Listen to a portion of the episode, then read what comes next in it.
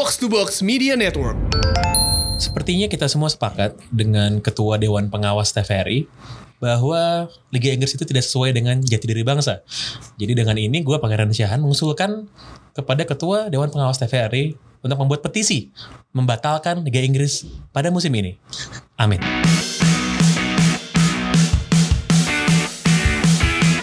Yuk, Yes. Enggak coba dulu tolong jelaskan. Ma- maksud lo apa tadi itu? belum. Gue gue mau mulai dengan enak dulu dong. Bentar. Gue nih udah nggak google google yuk. Hah. TripAdvisor. Amsterdam tuh ada apa aja kan? Lu udah pernah? Gue sih udah pernah. Cuman kan gue punya ekstra budget nih karena gue nggak beli Oh iya tiket iya kan. iya Nah, iya iya iya iya. Lumayan nih bisa Ya. dipakai buat ke ini. Enggak, lu- lu bisa kan dipakai buat tahu. ke bulldog ke bulldog gitu. Tahun lalu ngomongnya juga begini. Ujung-ujungnya gue yang berangkat. Iya iya iya iya iya iya iya. Enggak, itu tidak akan ter- terjadi dua kali. Ini gue yakin juga sebenarnya lawan gue nih Eh, deg-degan. Tiga kali, bukan dua kali. Tahun depan lu kalah lagi kalau lu taruhan. Jadi kalian berdua sudah siap tadi sebelum naik ke atas ini ada perbincangan gua Pange dan Justin yang mungkin harus diklarifikasi lagi. Saya menjadi penengah ya, jadi saksi ya bahwa Justin ingin eh, eh, memodifikasi dealnya nih. Apakah itu benar Bapak Pangeran? Eh, orang kalau desperate biasanya suka gitu sih, suka menggapai-gapai ranting yang bisa dipegang lah gitu. Jadi eh, kalau gue sih tetap merasa gue akan menang sekator-kator MU pada musim ini, tetap akan finish di atas Arsenal sih itu udah pasti. Oke. sih. Nggak bisa diganggu gugat. Biarin gitu. aja. Enggak. Lu kalau lihat di Twitter gue, sosmed gue, memang masih ada segelintir fans MU yang yakin. Dan kalau gue bilang sih, gue balasnya cuman gini, Theo. Nggak apa-apa lu boleh ketawa sekarang. Kan harus oh ya masih di atas Arsenal masih bla bla. Emang kardu semua kan ngelihatnya cuman ranking apa. Dan the problem is kalau oleh seandainya baru sebulan in charge mungkin gue masih keteteran. Hmm. ini 16 bulan men. Mau apa lagi loh? Iya tapi lebih bagus dari Arsenal tetap. Si Arsenal tuh urutan inilah fans kardus yang nggak nonton bola yang apa namanya? Se- sep- seperti podcast terakhir yang dia bilang ya yakin lawan Liverpool. Gue ngakak langsung. Nah, makanya gue bilang pokoknya kalau Pange bicara soal MU jangan dipercaya udah. Itu hampir dan terbukti. Itu hampir loh ya kalau Martial gue masuk itu. Iya iya iya. Terus kemarin si- siaran DP kan gue bilang ta- tanya pre- prediksi gue bang. MU kalau eh, kalau ada orang bilang MU mengalahkan Burnley itu melecehkan Burnley. Dan terbukti kan. Gue pernah bilang mungkin MU tuh beli Ashley Fletcher sama Chris Wood aja udah jadi striker mereka biar udah bener-bener butuh striker ya kan nggak punya pemain depan pemain cedera banyak Enggak, lo, lo, gue gue nggak setuju kalau lu hanya menyalahkan striker. eh nggak maksudnya lo punya pemain cedera banyak MU ya. nih ya, Man United ini udah kalah dua kali berturut-turut gitu kan. Iya nih. Arsenal seri dua kali berturut-turut. ini, ini yang bikin seru kan mendekati terus mendekati terus dan dan kalau lu lihat eh Dex itu nextnya lawan siapa tuh MU Tranmere atau Watford? FA bukan Piala bukan FA. abis itu Eh, Premier To- to- League tolong- itu lawan tolong dicek dua match aja Dex Ah. dua match Arsenal sama dua match eh, MU MU ini City di Piala Liga, Wolves, Enggak, enggak. Di Liga Inggris, Liga Inggris, Liga Inggris. IPL. Hah? Wolves Chelsea. Oh. eh yang MU lawan Wolves Chelsea. ini Arsenal Arsenal. Terus Arsenal lawan Burnley. Arsenal lawan siapa? Burnley Newcastle. Ah, Burnley kan. Bur- Bur- Burnley Newcastle. Newcastle Oh, loh. lu dua, dua menit terakhir, semenit terakhir loh. Gue prediksi di Twitter gue dan ada yang ingat emang jejak digital itu nggak boleh. Gue prediksi 6 match Arsenal. Heeh. Tapi yang gue prediksi, yang pertama kan Chelsea. Hmm. Gue prediksi draw win win win win win win. Hmm. Lima kali win. Hmm. Itu yang itu akan terjadi lihat aja. Aduh, gue pikir Jadi, lo mau jadi draw pertama kan bener udah, Ah. Iya kan? Nah sekarang tinggal lima kali win. Nah, Lawan Wolves sama City ya? Hah? MU Chelsea Di kandang Chelsea pula ya? Kalau Chelsea sih masih bisa lah. Wolf yang bikin gue takut. Potong kuping gue menang lawan Chelsea Sekarang sama Chelsea beda berapa sih MU? Sama poinnya? Eh enggak, itu, sama, Apaan itu sama sama? Spurs yang sama. Spurs yang sama. Sama Beda poinnya kalau salah satu, Dex. dua apa tiga gitu. sama MU be- oh beda 6 sekarang. Beda enam ya? Beda Oh, enam. gara-gara dia, men, dia eh dia imbang ya? Enggak, ya match pertama lawan Wolves Iya, Mm-mm. Di di kan Di Old Trafford. Di Old, di Old Trafford. Old Trafford kalah Oke terus Hehehe, cing. Oke, oke, oke, oke. Ya sama kayak Wolves lebih bagus daripada Burnley Iya, iya. Chelsea di Bridge. Ya, ini, ini, ini, Di bridge Ya selesai lo Eh, enggak. Jadi kan sekarang beda 6. Hmm. MU lawan Wolves menang. Hmm. Chelsea itu ketemu Leicester kalah. kan? Beda 6 dari mana? Beda 6 sekarang MU sama Chelsea beda 6. Oh sama Chelsea Beda ya. enam. Jadi nanti kan eh, Chelsea lawan Leicester kalah nih. Ah. Udah gitu MU menang lawan Wolves kan. Berarti beda 3. Ah. Terus ketemu kan Emil Locel sih kan. menang MU, dilewatin menang sisi Iya iya iya iya iya iya iya iya. Enggak cuma sekarang dia ngoceh di podcast ngoceh di Twitter di men. Dua match enggak ada kabar sama sekali. Tidur gue rasa dia itu, Pak. Sama sekali enggak ada. Pokoknya tiap kali enggak usah kalah kehilangan poin aja gue cek. Pertama gue cek at Pangeran Syahaan. Iya, Dicek gue pengen lihat dia ngomong apa. Kagak ada kabar sama sekali. Wah parah ini. Ini fans parah kayak begini nih. Enggak kita mah kalah. Ngo- ngoceh pas menangnya tengah-tengah doang. aja, tengah-tengah aja nanti. Nanti gue kirim foto dari ini. Gue kirim foto dari Amsterdam. Iya iya iya. Tapi selain MU kan kemarin juga ada si yang mau gue bahas tuh si Newcastle lawan Everton kan. Newcastle Everton sampai menit 93 tuh masih Kena dua, masih dua kena comeback kan. Ancelotti Kemarin nggak heran si si Newcastle eh, apa eh, bilangnya kita beruntung karena eh, Jordan Pickford tangannya kekecilan. kan kan gue selalu bilang kiper Hobbit. Tapi dia kesel banget karena dia kan orang Sunderland ya kan. Lawan ini Newcastle kebobolan 2 menit 2 gol kan derby itu kan. Iya. Dua kebobolan 2 gol di satu menit dari Newcastle itu pasti seemosi itu sih dia. Kemarin kesel banget dia. Tapi tapi gue juga tidak melihat Ancelotti bisa mengangkat Everton. Hmm. Sebenarnya kalau lihat skuadnya Everton itu nggak jelek amat loh. Bagus bagus. Moiskin Ya dan dan bukan Moiskin aja semua the whole dari belakang sam- sampai depan itu nggak buruk-buruk amat. At least Everton bisa bersaing untuk rank 6-7 lah Oke kalau gue bilang Ber- berdasarkan squad ya. oke Tapi gue tidak melihat Ancelotti bisa ngangkat. oke. Di saat eh, podcast ini direkam Liverpool baru main nanti malam lawan Wolverhampton Iya, Wanderers. kan? iya. Jadi kita nggak tahu hasilnya seperti Mau uploadnya kapan? Ntar malam. Langsung langsung Langsung, oke. langsung di upload. Anjing Liverpool siapa bisa ngalahin sih bangset. Wolverhampton Wanderers. Wolves sih, Wolves sih. Raul Jimenez. Enggak, tapi kalau lu ba- bahas Liverpool sis- udah nggak nggak usah dibahas lah. Capek. Capek asli.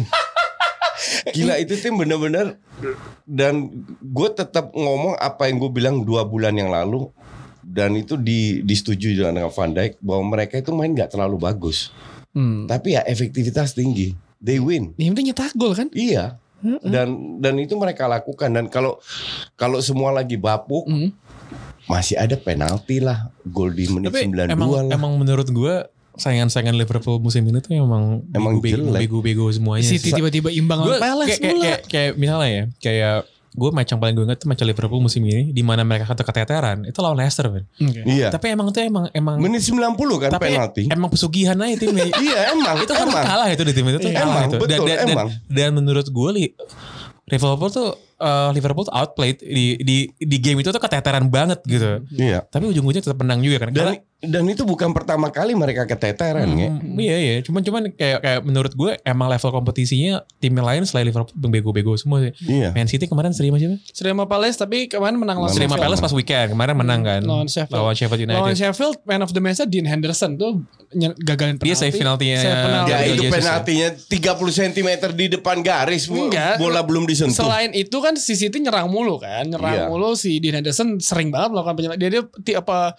kiper paling sering melakukan penyelamatan sepanjang sih. sepanjang musim ini Ta- di Premier League. tapi dibilang kiper bagus nggak juga Nah, kiper kiper MU Kiper itu. MU. Kiper MU itu. Heeh. alah bapuk semua yang berbau MU bapuk lah mau main di luar mantan MU lah apalah Arsenal lawan Chelsea bapuk gak coach? Lama banget sih. Eh, eh, ka- kalau Di sini makanya gue yakin sebenarnya Kalau Arsenal sih akan finish enggak. di bawah MU kenapa? Sekator-katornya mereka katro juga soalnya. Ka- kalau kalau lu lihat dua match perta eh, 26 menit pertama sebelum David Luiz kena merah itu imbang. Hmm. Tapi harus gua akui harusnya Chelsea menang. Oke. Cuman peluang yang mereka dapatkan ti- tidak menjadi peluang murni Hmm. karena eh, terlalu buru-buru.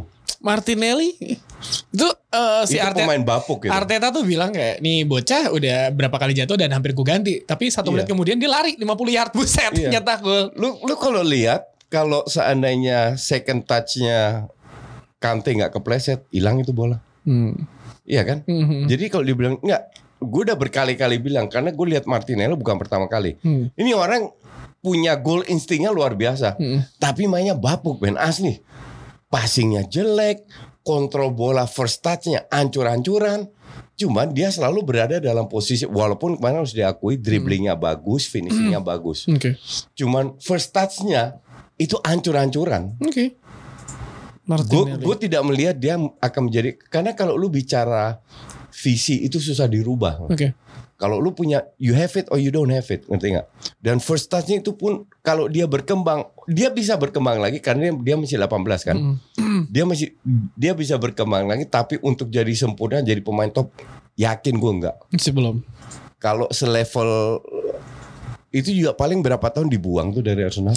Cuma cuma tau gak ada berapa ini kalau menurut gue Arsenal tuh punya habit di mana pemain-pemain yang potensial dibuang secara prematur banyak banget tuh. Ya itu siapa yang main di Bayern siapa namanya? Oh si ini Genarbi. Gnabry. Ah. Udah gitu Rens Adelaide itu juga Arsenal dulu kan. Hmm. Enggak, tapi lu lu Terus tidak ya, kayak, kayak banyak banget deh pemain-pemain Yang mungkin yang nge- mungkin nge- lu tidak bisa mem- mem- membandingkan zamannya Wenger sama zaman sekarang. Oke. Sekarang gini, pemain muda yang sekarang ada itu kan sebenarnya warisan. Hmm. Ya kan? Itu bukan keinginan dari Arteta. Dan untuk gue yang benar-benar berbakat itu cuma satu. Saka. Bakal Saka. Hmm. Yang lain itu pas-pasan banget. Mau Nketiah lah, mau apalah, mau Willock lah. Mereka berkali-kali diberi kesempatan dan gak kelihatan sama sekali. Dengan masuknya Arteta, gue yakin bisa lebih bagus, tapi tidak mencapai Level Jesse Lingard. level level topnya. Le- level topnya di mana Arsenal seharusnya berada, which is empat besar, Hmm. ya kan? Eh, eh, itu jebolan jebolan Akademi Arsenal terakhir yang paling bagus di tim first team Arsenal siapa? Van Persie. Van Persie bukan dari Akademi Arsenal. Feyenoord kan dia. tapi dari muda lah dia. Ya, tapi Nggak, bukan kan dari Feyenoord bawah, lah. Dia kan dari Feyenoord. Yang bener-bener Dari yang Akademi. bener-bener jebolan Akademi Arsenal. Callum Chambers ya. enggak. Yang sekarang Southampton. Fa- Fabregas. Fabregas dari Barcelona. Barcelona gimana? Fabregas mah dari umur berapa udah ke Arsenal? 16 Iya tahun. 16. Iya cu- cuman dia kan bukan jebolan akademi lah. Walaupun memang dia lulusnya dari situ. Iya. Tapi kan dia dibikinnya nggak di situ gitu. Jack Wilshere lah. Murni dari nol. Jack Iya, Wilshere. iya, iya. Agak banyak. Yang terakhir yang terakhir paling bagus ya, Be? Jack Wilshere menurut gue ya. Jack Wilshere yang terakhir kali yang paling terakhir bagus yang gue gak tahu ya. Correct me if I'm wrong. Kalau yang terakhir kali yang eh, muncul ke per- pe- eh, permukaan Handphone siapa itu? nggak tahu nama siapa. Handphone Pange. lu. Eh, gue. gue gak kayak gitu. Bu. Handphone lu. Orang tua pikun nih.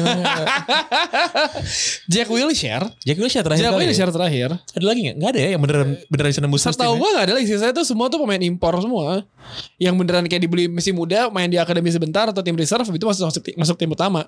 Yang dari umur 9 atau 12 kan Jack Wilshere. Hmm, iya bener bener. Sisanya gak ada Jadi lagi. emang udah gak ada pas zaman Wenger pun gak ada berarti. Chesney itu juga dari bocah kan dari muda kan? Pasti sih. Kayak juga- Chesney juga. ya dari dari muda juga. Chesney, Fabianski gitu. Ya kan? Banyak yang muda mungkin ka- kalau lu bilang bener-bener murni dari umur 6 tahun di di Banyak. Tapi nggak nggak nggak nembus tim utama. gak banyak. David Bentley lah udah pensiun. Anjing. Jeremy Alia dia. Jermaine Pennant tuh juga dari Arsenal. Oh, tuh. Arsenal tuh ya? Arsenal, Arsenal, Jermaine Jermaine Pennant, ya kan? Siapa? Oh Harry Kane lu Arsenal kan? Akademi Arsenal, dibuang, ini ditch gitu aja. Masa sih? Harry Kane tuh udah Arsenal coach. Orang ada foto pakai baju Ada Arsenal, Arsenal, dia. akademi tapi tapi nggak dikasih kontrak. Akhirnya dia pindah ke Spurs, Iya iya. ya kan? Jadi Ya, gue gue gue gue mikirnya kayak emang udah kayak udah lama gitu. Se- se- sebe- Sementara kalau kalau kayak Chelsea kan sekarang banyak tuh. Ya, yang banget. oke, yang lumayan. Ya bagus lah bakal tahan lama gitu di first teamnya. Man City, eh, Man ya City- walaupun si Phil Foden jarang dikasih waktu main, tetap maksudnya oke gitu. Ada Hmm. yang bisa. Tapi kalau Arsenal udah, udah lama ya, nggak ada. Lama enggak. Enggak. Ini ini kan semua bapuknya dari si Wenger, Hmm. ya kan? Ja- jadi gue gue sih berharap Arteta benar-benar dikasih kesempatan. Dalam arti tidak hanya dari sisi prestasi tapi juga pembinaan. Hmm. Karena Arsenal kan dikenal dengan we don't create we don't buy superstars, we create them We create them and then we sell them. and we sell them. nah, itu harus di itu harus dipertahankan karena gue tidak yakin selama selama MU di bawah Glazer bahwa MU akan jor-joran beli pemain. Oke. Udah Dan, jor-joran. dan di situ enggak lah kalau dibanding City dan Liverpool nothing lah. So eh, sebenarnya jor-joran, Coach. Jor-joran, beli ya. pemainnya jor-joran. Yang Cuman dibeli beli. aja goblok-goblok iya. beli pemainnya mah harganya harga itu tuh Ya harganya mahal. harga Tapi iya, Kualitasnya biasa. Kalau secara total, kalau secara total duit yang di spend itu tuh 6 tahun tuh 850 juta pound sterling gede sebenarnya duitnya ada. Masalahnya orang yang dikasih tanggung jawab buat beli ini Gak ngerti. itu kan monyet kan yang, yang dikasih tanggung jawab buat beli gitu kan. Dia sekarang tuh sosokan gitu nahan harga sama Bruno Fernandes gitu. Dia pikir kayak lagi belanja di Melawai gitu yang "Oh, udah gue gak mau gitu bakal balik badan Bang, kan. bang, balik, bang, bang, bang. bang, iya iya, kayak Iya. gitu-gitu kan. Yang model-model Woodward dan dan dan dan dan dia kan tuh CEO dia tuh eksekutif eh, klub dengan gaji termahal di Inggris Iya. kan dan Iya. dengan bonus Iya. kemarin udah dapat berapa gitu. Dia tuh lagi nahan cuman gara-gara beda berapa belas gitu. lima enggak eh, pokoknya si eh, Sporting, Sporting. mau 80 euro, 80 juta euro, MU tuh kalau nggak salah mau enggak, the point is not worth it lah pemain kayak gitu 80 euro. gue nggak nggak tahu Gila ya. lu. Ya, tapi Se- sehebat apa sih dia? tapi sekarang gini, ketika pe- pemain didatengin oleh MU ya, didatanginnya pasti harga meroket sih. Masalahnya dia udah bagus mau pindah ke MU masalahnya. Tapi- Jadi, itu ih, masalahnya yang mau tapi pindah ke MU itu 80 dikit juta. sekarang. Enggak, Eh, enggak. Kalau si Bruno Fernandes ini, gue harus katakan gue gue nggak begitu tahu dia ya. Kalau dia benar dia bagus, ganteng coach. itu sudah diuber oleh Madrid, Juve, Barca dan nggak kagak ada yang nguber MU doang men. Di situ poinnya kalau di Uber sama Madrid sama Barca, ya dia pilih pindah ke Madrid sama Barca Eh, masalahnya. Di situ letak permasalahannya. Barca Madrid nggak mau bayar pemain yang belum terkenal 80 juta. Nah, That's for sure. gue per eh, kan sebenarnya MU ini kan permasalahan emang selalu di lini tengah kan. Ya mau sebagus apa pun Fred semusim ini tapi emang kurang lah ya. Gue main football manager eh, yang gue pakai MU pertama kali gue beli adalah pemain tengah Donny van de Beek sama Ruben Neves. Abis itu tim gue unbeaten. Emang udah dari game aja udah Ini kelihatan I maksudnya. tell you ya, lu kalau beli Van de Beek dengan squad yang ini bapuk juga. Van de Beek itu mainnya kayak Davy Klaassen. Jadi dia bisa berfungsi kalau sekitarnya itu bagus. Ngerti nggak? Bagus Lu apa? kurang bagus apa Fred sama McTominay coach? Sama sama Nemanja aja kurang bagus apa? Eh, seksi loh. Eh, by the way ngomong ngomong soal apa namanya ngomong-ngomong soal kan MU itu emang tim laknatullah ya emang emang emang, emang bener-bener kayak itu nggak usah dianggap lah sebenarnya sebagai tim bola lagi. Dan gue merasa pemainnya tuh sudah berjuang dengan maksimal tuh. emang udah maksimal, emang udah mentok segitu aja. Gue tidak setuju. Udah maksimal, udah Nggak, bener. nggak, bisa ngapa-ngapain lagi. bener serius. Lu udah kalau lihat kalau lihat pemain Arsenal di bawah Emery itu ancurnya ancur. Hmm. Di bawah Arteta bisa 180 derajat loh. Nggak, Yang ya, namanya Maitland Niles yang betapa hancurnya gue maki-maki terus. itu tiba-tiba mendadak bagus loh. nih ya, gini, nih ya. Jadi ini pemain kan secara kualitas sudah nggak bagus nih. Ditambah juga pelatih yang menurut gue juga Pas-pasan. Iya bukan pas-pasan lagi minus gitu ini bener-bener nggak ada inovasi taktiknya dan Iya, cuma bisa ngandelin counter attack doang. Menurut gue punya pemain pas-pasan tuh one thing tapi untuk nggak bisa membuat taktik yang bagus itu another thing gitu. Kayak kalau taktik lo oke gitu tapi pemain lo pas-pasan gitu kayak siapa pelatih Sheffield United si Chris Wilder gitu kan mungkin Chris Wilder bakal lebih bagus gitu pemegang M- uh, Man United dibandingin oleh gitu. Cuma kalau lihat kalau lihat pemain-pemainnya gini, itu kan pemain tuh kerja lari, megang bola, udah tuh lari semuanya tuh Iya, lari. Tapi Iya betul. emang udah mentok aja dan emang menurutku pemain kayak Andres Pereira tuh ya mohon maaf ya itu memang satu levelnya mungkin memang bukan levelnya Manchester United satu. Dan kedua terus. bukan level playmaker gitu. Iya. Pasti kan Betul. dia tuh Betul, betul. Jadi dia itu kan karena dia bermain di belakang striker, dia tuh diharapkan menjadi pemain terakhir yang ngasih yang ngasih key pass kan. Iya, Iya iya. kan yang ngasih yang Kayak kayak Uzil gitu lah. ngasih key pass gitu. Iya. Nggak pernah ada akurat-akurat tapi key pass Betul, benar. Itu Benar. nyasar mulu ke mana-mana kayak itu kayak lagi main sama kita-kita aja. Dan yang bikin gue bingung, dia sering kali jadi starter loh. Sebagai playmaker loh. Kemarin Iya. semalamnya jadi starter, Iya, termasuk Eh, semalam. tweetnya siapa ya? Tweetnya si Bernard Genius apa kalau nggak salah. Eh, di jadi bilang gini, gue tuh kalau dulu nonton MU atau pemain bola, pokoknya pokoknya nonton tim bola lah. Jadi karena pe- pemain-pemain yang penuh dengan imajinasi, penuh dengan visi, mereka akan mengoper bola tuh ke tempat-tempat yang kita nggak akan perkirakan gitu. Iya. Lo kayak lihat Ozil main pas lagi jaya-jaya lah, pas lagi Iya, sama Jerman tuh, itu kan gila banget tuh. Iya. Kayak kayak Xavi sama Iniesta gitu kan. Iya, Kayak, iya. Anjing pasti ke situ gitu kan. Iya. Nah terus dia dia bilang nih MU musim ini mainnya adalah mereka tuh ngoper bola persis ke arah yang lo perkirakan mereka akan ngoper bola. yang yang satu hal yang gue sangat lihat dari MU adalah eh, banyak tim yang lawan MU, terutama tim menengah ke bawah lah, itu selalu parkir bis. Oke, setuju?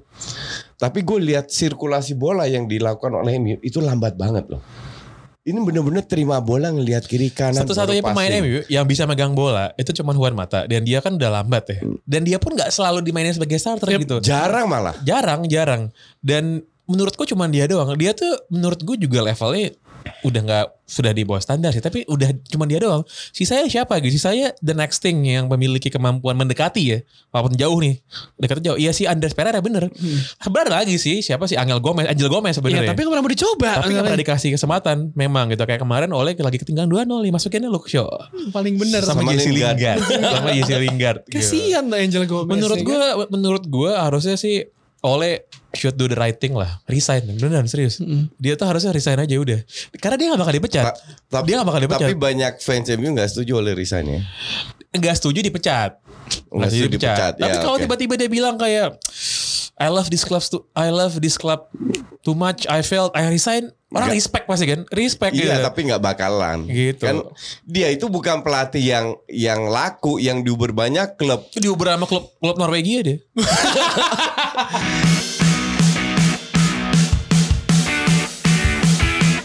Ketika kita memulai podcast eh, football podcast ini gua Pangeran dan Justin banyak banget yang bertanya bang gimana sih caranya menjadi host dan pandit yang baik dan benar yang bisa eh, memiliki karir yang panjang seperti rekan-rekan kita seperti Justin ini kan eh, Gita Suwondo Anton Sanjoyo itu kan lumayan lama ya dari zaman gua SD gua nonton sampai akhirnya kerja bareng Gue masih nggak lama-lama amat lah. Iya tapi lumayan lo kan tetap senior juga Dua- Coach, 12 ya kan? tahun.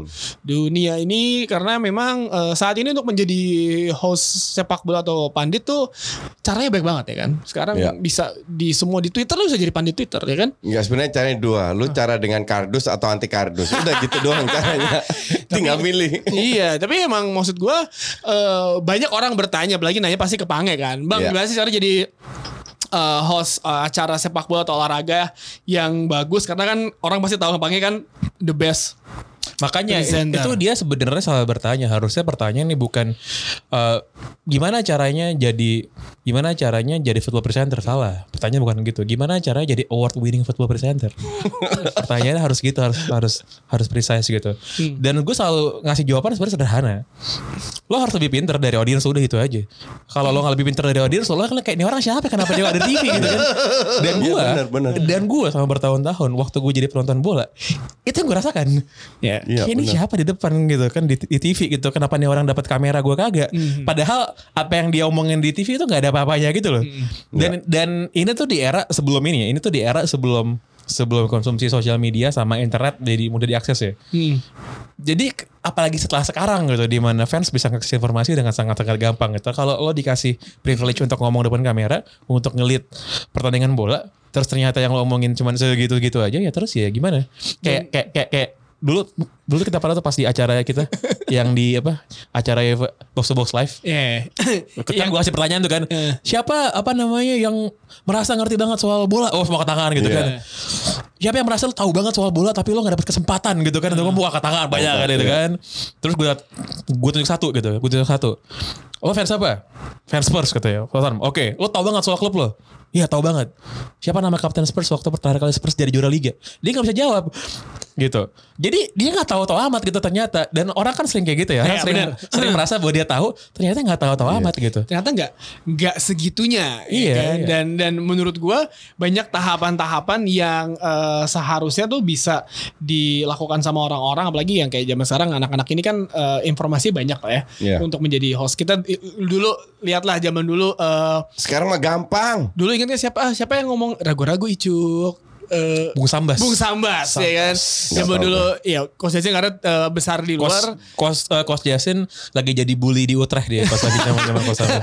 jadi kerjanya berantem terus Iya. ya kan sambas terus dulu kita eh, terdoktrin kalau misalkan acara olahraga lu mesti ngomong bung ke setiap orang Oke. bahkan sampai sekarang pun gue paling malas ngomong seperti itu kan dan sampai sekarang tuh mesti ada yang pakai menggunakan eh, eh, eh, bung ketika Gue menyapa nggak tahu gue sih nggak. Gue panggil nama aja. iya itu kan karena kan lu pandit ya kan yang Iya. yang, yang ada beritanya. iya. Tapi eh, ketika eh, orang bil membandingkan host sepak bola Indonesia sama sepak bola Eropa kan emang apalagi tahun 90-an 2000 ya eh, eh, sangat informasi belum terbuka sekarang, internet belum di Iya. mana-mana. Dan sekarang kita udah bisa ngelihat bagaimana Sky Sport melakukannya, eh, BT Sport ngapain, ESPN, eh, Fox Sports ngapain aja, host-host kan udah, udah udah kelihatan banget kan. Jadi sebenarnya informasinya banyak banget bisa di- diambil jadi referensi itu kan. Ya ya ya. Dan kalau lu tanya, tanya sekarang kan lu tinggal ngeklik beberapa button di internet di di laptop lu kan semua informasi keluar. Kalau dulu zaman gue kan nulis data lah apalah Iya. gue juga lupa tuh ambil dari mana. Pokoknya susah banget lah. Cuman gue gue setuju dengan apa yang Pangi bilang. At least kita, kita harus lebih pintar daripada audience. Kalau gue gue terjemahkannya dengan kata-kata yang ber- ber- berbeda, gue bilang kalau gue melihat lu jangan mendapatkan data yang orang lain juga bisa audience gampang dapatkan. Jadi sebagai komentator bukan host itu harus harus apa namanya harus punya sisi melihatnya yang berbeda. Iya. Jadi dari satu permainan pertandingan sepak bola kan banyak sisi yang kita bisa lihat. Kalau lu hanya main data-data, audiens juga bisa. Yang Jadi gua- kita harus lebih pintar lagi. Gue inget banget saya gue sebagai salah satu saksi sejarah perjalanan Pange akhirnya bisa menjadi host di sampai sekarang ini dia mulai dari play by play kan Iya. di play kan dari play by play kan yang Anjing, anjing itu susah banget. yang gue inget yang yang malam-malam kita siap hari Sabtu kita ke Kasbar Iya. eh, gue Pange terus sama teman-teman gue terus kayak tiba-tiba gue cabut duluan ya mau ke mana lo jadi host play by play itu Iya. maksudnya eh, eh, meluangkan waktu dan itu perjalanan Pange gue tahu banget tuh gimana jadi play by play waktu itu tawarin di mana sih gue lupa deh waktu itu deh Apa kenapa? sampai akhirnya bisa ditawarin jadi, aja jadi di play by play 2013 kan play by play eh, jadi kalau orang merasa jadi football host presenter itu nggak gampang susah gitu kalau menurut gue sih nggak susah amat sih tapi kalau jadi play by play itu capek itu benar-benar Capek banget. itu itu benar-benar melelahkan Gue mengalami itu melelahkan Gue di. TV One meng- mengalami play by play dan itu melelahkan betul. Cuman lebih cepat aja. Eh, Gua- lebih cepet sih ya se- sebenarnya relatif sih gue tuh benar-benar tergantung sama partner gue sih kalau Iya. partnernya asik tuh bisa ngobrol kan Nah. Tapi kalau ternyata lagi nggak asik tuh waduh itu bisa Sama kayak komentator host. Oke, gue selalu bilang gue berusaha seprofesional mungkin. Tapi kalau lu dapat host yang nggak nggak enak, nggak bikin lu keringetan, nggak asik aja ngerti nggak? Makanya dia lu- jodohnya sama gue sebenarnya. Lu, lu, jodohnya udah sama gue lu nggak bisa mengeluarkan kan? Nggak nggak nggak nggak bisa mengeluarkan semua. Maka gue selalu bilang presenter yang bagus itu membuat komentator keringetan. Ya presenter yang bagus ngebuat kayak Pange bertanya gue sama Jasin Nih jersinya Sassuolo eh, dari mana ya? Gue inget banget musim lalu saking gak ada yang dibahas Kita langsung bahas jersey. Ya Ingat kalau yang musim Iya, lalu iya. jadi gini, jadi apa namanya? eh, kalau lo presenting gitu kan tuh kan bener-bener dua arah komunikasinya kan. Ada yang nanya, ada yang jawab. Tapi sebenarnya yang lebih bagus tuh sebenarnya bukan tanya jawab, tapi ngobrol. Betul, sebenarnya. ngobrol. Iya, tapi betul. ngobrol gitu.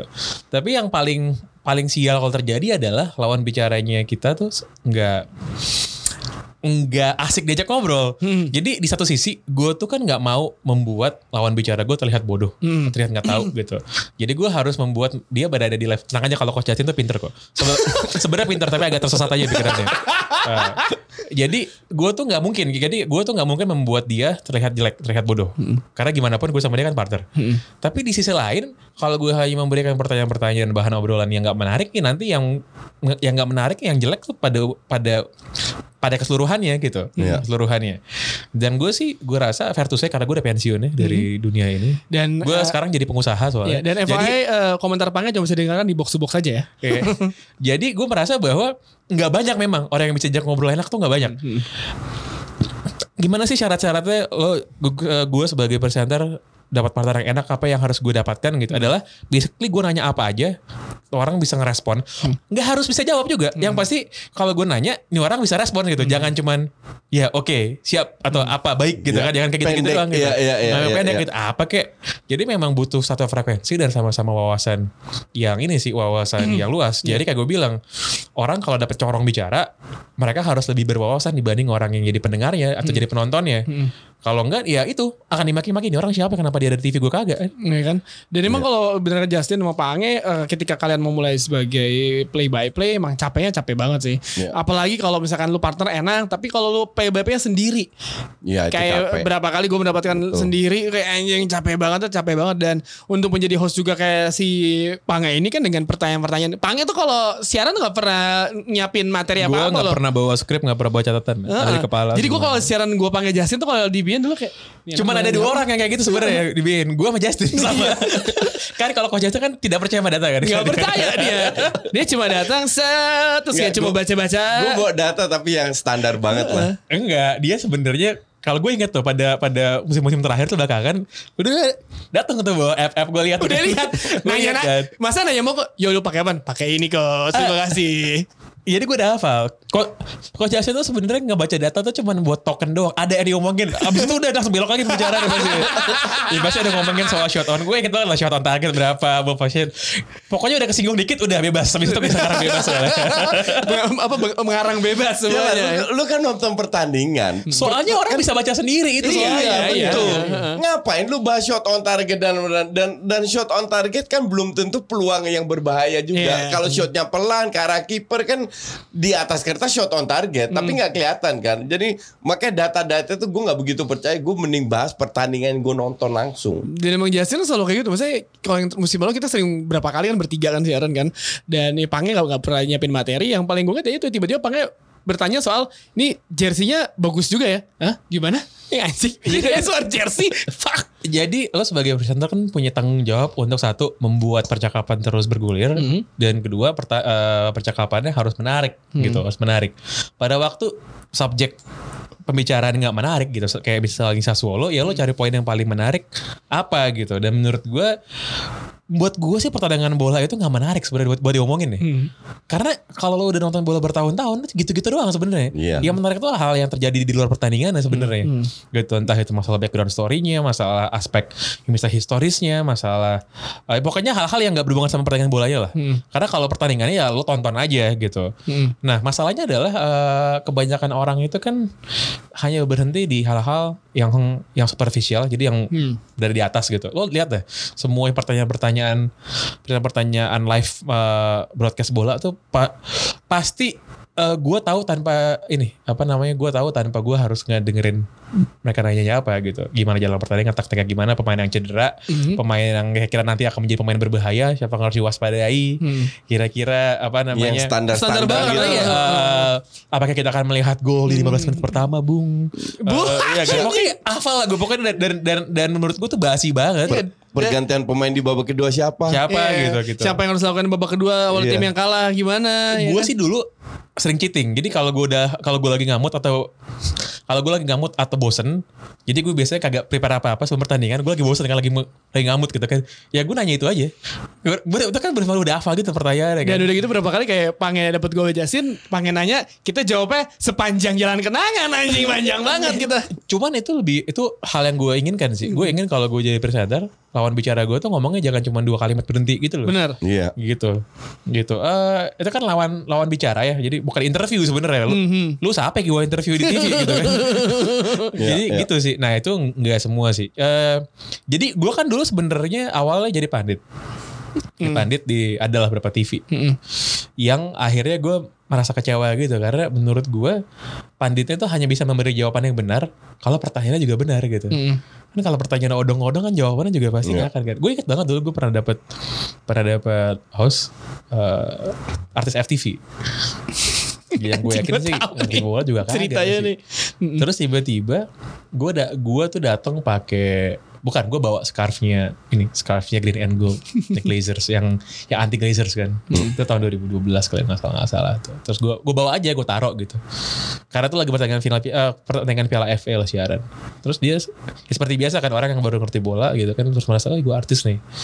Terus gue tahu-tahu dikit soal bola. Dia langsung komen gini kan soalnya warna kuning kan kuning hijau kan dia warna kuning. Wah keren banget nih bro beda beda nih ya scarfnya bagus banget gue suka nih Borussia Dortmund kata dia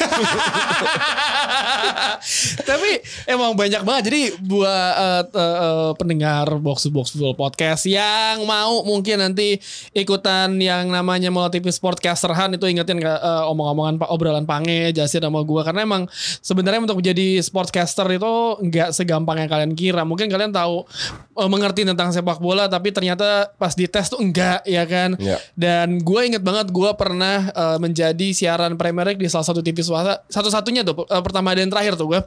Pertandingan Southampton lawan West Brom ya kan eh, diganti gara-gara alasan utama yang si orang nggak mau siaran itu karena menurut dia nggak cukup menarik pertandingannya. Dia maunya Big Six. Oh ya udah kalau buat gue sih lumayan alhamdulillah lah ya. Iya, iya, Rezeki. iya, iya. Jadi maksud gue ya kenapa ditolak sih? Jadi kan agak-agak agak aneh. Gue sebenarnya nyari yo. Gue sebenarnya nyari kayak ada nggak sih orang yang kira-kira nih emang ngerti banget tahu banget soal bola, se fetish dan se freak gitu soal bola, jadi tahu segala macam yang aneh-aneh, yang perlu kesempatan gitu. Hmm. Jadi sama seperti dulu gue merasa bahwa gue tahu banget soal bola, gue wawasan gue luas, Eh, gue gue tuh cuma perlu kesempatan doang. Hmm. untuk jadi profesional broadcaster di, di dalam industri bola gitu.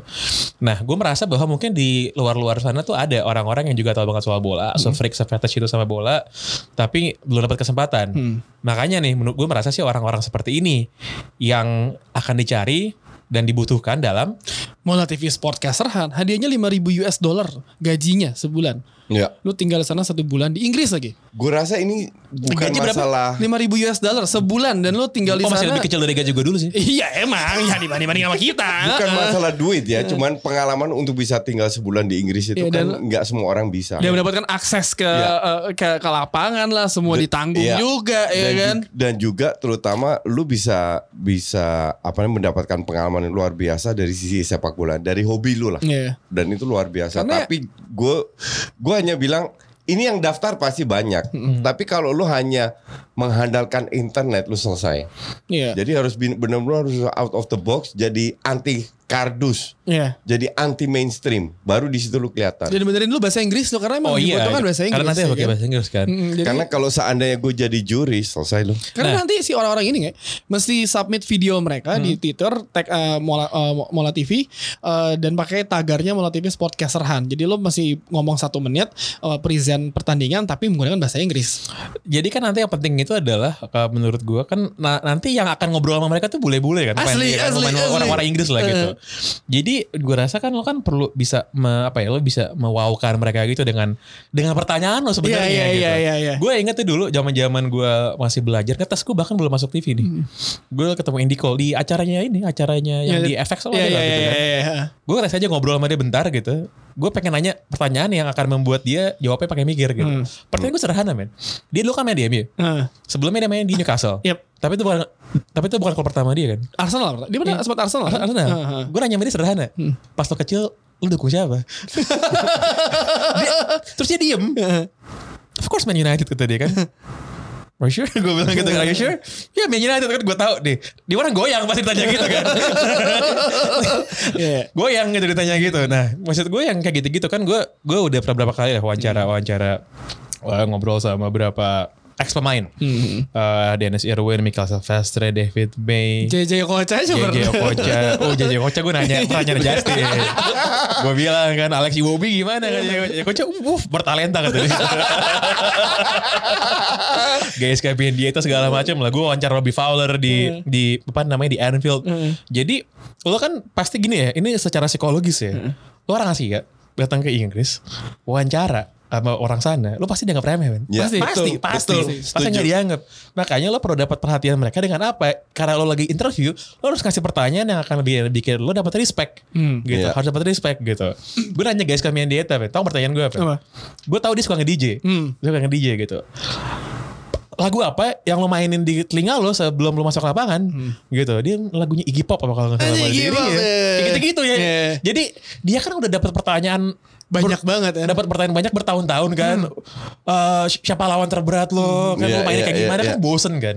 Dan lo pasti dia akan lupa sama lo kalau lo nanyanya tuh nggak menarik gitu. Lo perlu sesuatu yang informatif tapi jarang untuk diulas Iya, gitu kan. Mau diulas. gue juga ingat banget ketika dulu gue besar ada gue pernah wawancara uh, vokalisnya Kesebian uh, dia fans Leicester kan Leicester City. Iya, itu gue dapat da- uh, urutan paling terakhir lah di Singapura wawancara dia gue tahu nih kalau gue nanya pertanyaan album pasti semua orang udah nyopin ya sebelum gue Hasif coy Hasif Rolling Stone itu pertanyaan pasti anjing banget kan pertanyaan gue cuma terakhir kayak jadi uh, apa saya gue nanya kalau Leicester City juara Premier League lu mau ngapain itu jawaban dia gue mau keliling kota bugil kayak anjing maksudnya kayak pertanyaan yang ice breaking menurut dia tuh kayak oh anjing nih tiba-tiba ketanyain bola yang menurut gue yang menurut dia tuh orang nggak banyak tahu kalau dia tuh fans fans Leicester Leicester City kan Gue gue dulu pernah wawancara Robert Pires. Robert Pires gue wawancara. Terus gue ngomong dong soal penalti dia itu yang sama si siapa? Sama Thierry Henry Iya, ya, iya, sama iya, Thierry iya. Henry gitu kan. Terus gue nanya gitu, apa ya, keja- ya, apa yang kejadian gitu. Saat itu dia kaget karena ada yang inget itu gitu kan. Terus dia bilang, gue gak inget. dia bilang gitu, gitu gimana ceritanya. Dia nonton Johan Cruyff. Oh iya, iya, iya Johan Cruyff betul gitu. Jadi itu sih, jadi you ha- you have to earn the respect gitu karena eh apa namanya ya itu lo tau lah pokoknya once lo get there gitu pas- pasti lo akan tough untuk bisa untuk bisa mendapatkan kenyamanan Hmm. dalam waktu lo kerja eh, lo interview. Mereka tuh nggak akan mereka tuh nggak akan bilang lo jelek nggak akan Diem Nggak aja. akan, nggak akan cuma lo pasti bisa ngelihat auranya Iya, kan bahasa iya. tubuhnya Gesturnya. gesturnya tuh kelihatan banget Apalagi makanya- orang Inggris itu kan lebih sopan ya. Lu kalau orang Belanda jelek lu disikat lu. ini kayak sebelah kita kalau orang Inggris seperti yang Pangi bilang akan lebih sopan, nggak akan mereka jelek-jelekin lu. Pasti ya ya kan. Cuman ya itu ntar. Tapi emang maksud gue eh, ketika lo submit video ke uh, Mula TV Podcaster hari ini kan lo video lo monolog sendiri kan. Iya. Eh, auranya dan uh, pressure bakal berbeda ketika lo wawancara orang. Dan nantinya kan ntar di final pa- pasti lo bakal dites kan wawancara orang pakai bahasa Inggris pula ya kan. Jadi menurut gue eh, eh, mendengar apa yang kita utarakan di episode kali ini adalah salah satu hal yang paling penting sih karena nggak selamanya lo bisa mendapatkan hal ini. tips tips satu dari gue ya. Jadi pada waktu lo interview, satu hal yang paling penting adalah pada waktu lo menanyakan pertanyaan yang sedang lo tanyakan, lo harus sudah tahu pertanyaan berikutnya apa, gitu. Ya. Dan itu terus menerus menerus kan, karena lo lo harus keep the conversation going gitu ya. Jadi nggak Nggak textbook. nggak textbook, nggak boleh textbook. Makanya kenapa gue nggak pernah bawa catatan dan gue nggak pernah boleh pertanyaan. Gue tuh nggak pernah boleh pertanyaan, men. Gue tuh bisa siaran biin dulu ya anjing iya. 6 jam itu gue cuman bawa iPad dan di iPadnya pun gak ada nggak ada catatan gitu. Hmm. Itu bahkan kadang-kadang kalau lagi kalau lagi kayak misalnya tahun lalu nih pas kita siaran seri ya, Hmm. Iya, iya, pas iya. MU main gitu kan, itu di iPad gue streaming MU main men. itu gue itu gue kalau Iya, gua tahu, gua gua tahu. tahu banget gue pernah nih lagi MU main nih pas bagian gue ngomong ya kan bagian gue ngomong set gue si anjing streaming MU lagi bangsat tapi gue masih tetap ngomong ya kan udah gitu pernah iya pas lagi streaming MU udah gitu lagi kalau nggak salah tuh lagi VT main itu pertandingan MU lawan Newcastle MU lawan Newcastle Hmm. Yang menit akhir ya? yang ketinggalan 2-0 duluan terus gol terakhir 3-2 kan itu gue pukul-pukul meja ben padahal lagi live. Gitu. Cuman kan once lo udah tau lo mau ngomong apa lo lo sebenarnya kalau udah terbiasa lo nanti lo bener-bener kayak robot gitu ntar. Nggak sebenarnya tergantung partner lu sih. sebenarnya partner memang memang. Dan juga eh, eh, nggak semua orang bisa memiliki eh, kemampuan seperti Pange ya. Maksudnya yang lu nggak nyiapin apa karena semua orang beda-beda Nah, kan itu sebenarnya gini, itu sebenarnya ada sa- ada satu sa- ada satu landasannya kenapa gue nggak mau nyampe pertanyaan. Pada waktu lo nggak nyampe pertanyaan, jadi pertanyaan lo berdasar ber, apa apa namanya eh, berasal dari keingintahuan, lo tuh nggak perlu pertanyaan, men. Iya, lo bener-bener. Iya. lo nanya apa yang pengen lo tahu gitu. Nah, pertanyaannya adalah kan nggak semua orang tahu apa yang pengen mereka tahu. ya Itu dia kan, iya kan. Kan nggak semua orang tahu apa yang kira-kira menarik untuk dibicarain. Mak- Makanya gue bilang sih ya paling fondasi awalnya ya emang si wawasannya itu sih. dan wawasan dan partner gue ngerasain banget ketika gue siaran Liga 1 dapat partner yang beneran tahu bahas soal sepak bola Indonesia kan? Jadi gue pengen banget baik eh, gue dapat pertandingannya PSIS Semarang ngelawan Barito Putra atau yang tim-tim eh, tim-tim papan tengah lah ya yang banyak orang yang beritanya nggak sebanyak Persija Persib Arema dan lain-lain. Jadi gue selalu nanya kayak ini siapa? Ngapa-ngapain? Jadi beneran keingintahuan gue aja ketika di eh, Liga 1 dan alhamdulillah sih bener partner juga sangat ngebantu kita banget Iya. sih. Ini kan ma- masalah sinergi ya antara host dan komentator. Hmm. Mau sehebat-hebatnya Pange kalau dapat komentator yang belek eh, yang Dia sebenarnya ibu diri sendiri. bukan, bukan, bukan. Yang jawabannya pendek atau atau memberi jawaban yang tidak sesuai harapannya dia susah juga kan? Ini sebenarnya yang paling keren dari Coach Justin menurut gue karena gue bisa nanya apa pun dia pasti ada jawabannya. pasti Walaupun kadang-kadang jawabannya gak make sense. Cuman yang penting adalah pokoknya jawaban yang paling menyebalkan itu adalah ketika jawabannya ya betul itu benar, Iya. ya baik gitu kan kayak Iya benar. Iya kan gitu kan. sama gagap jawabannya Iya kan eh, kalau eh, kalau eh, kalau Coach Justin ini kan kalau ditanya kalau dia tahu dia jawab. Enggak tahu pun dia jawab juga dia kan. Iya, keren makanya. Dia Jasin tuh ada segala arah ada jawabannya. heeh. Ya harus lah, gue dibayar di situ.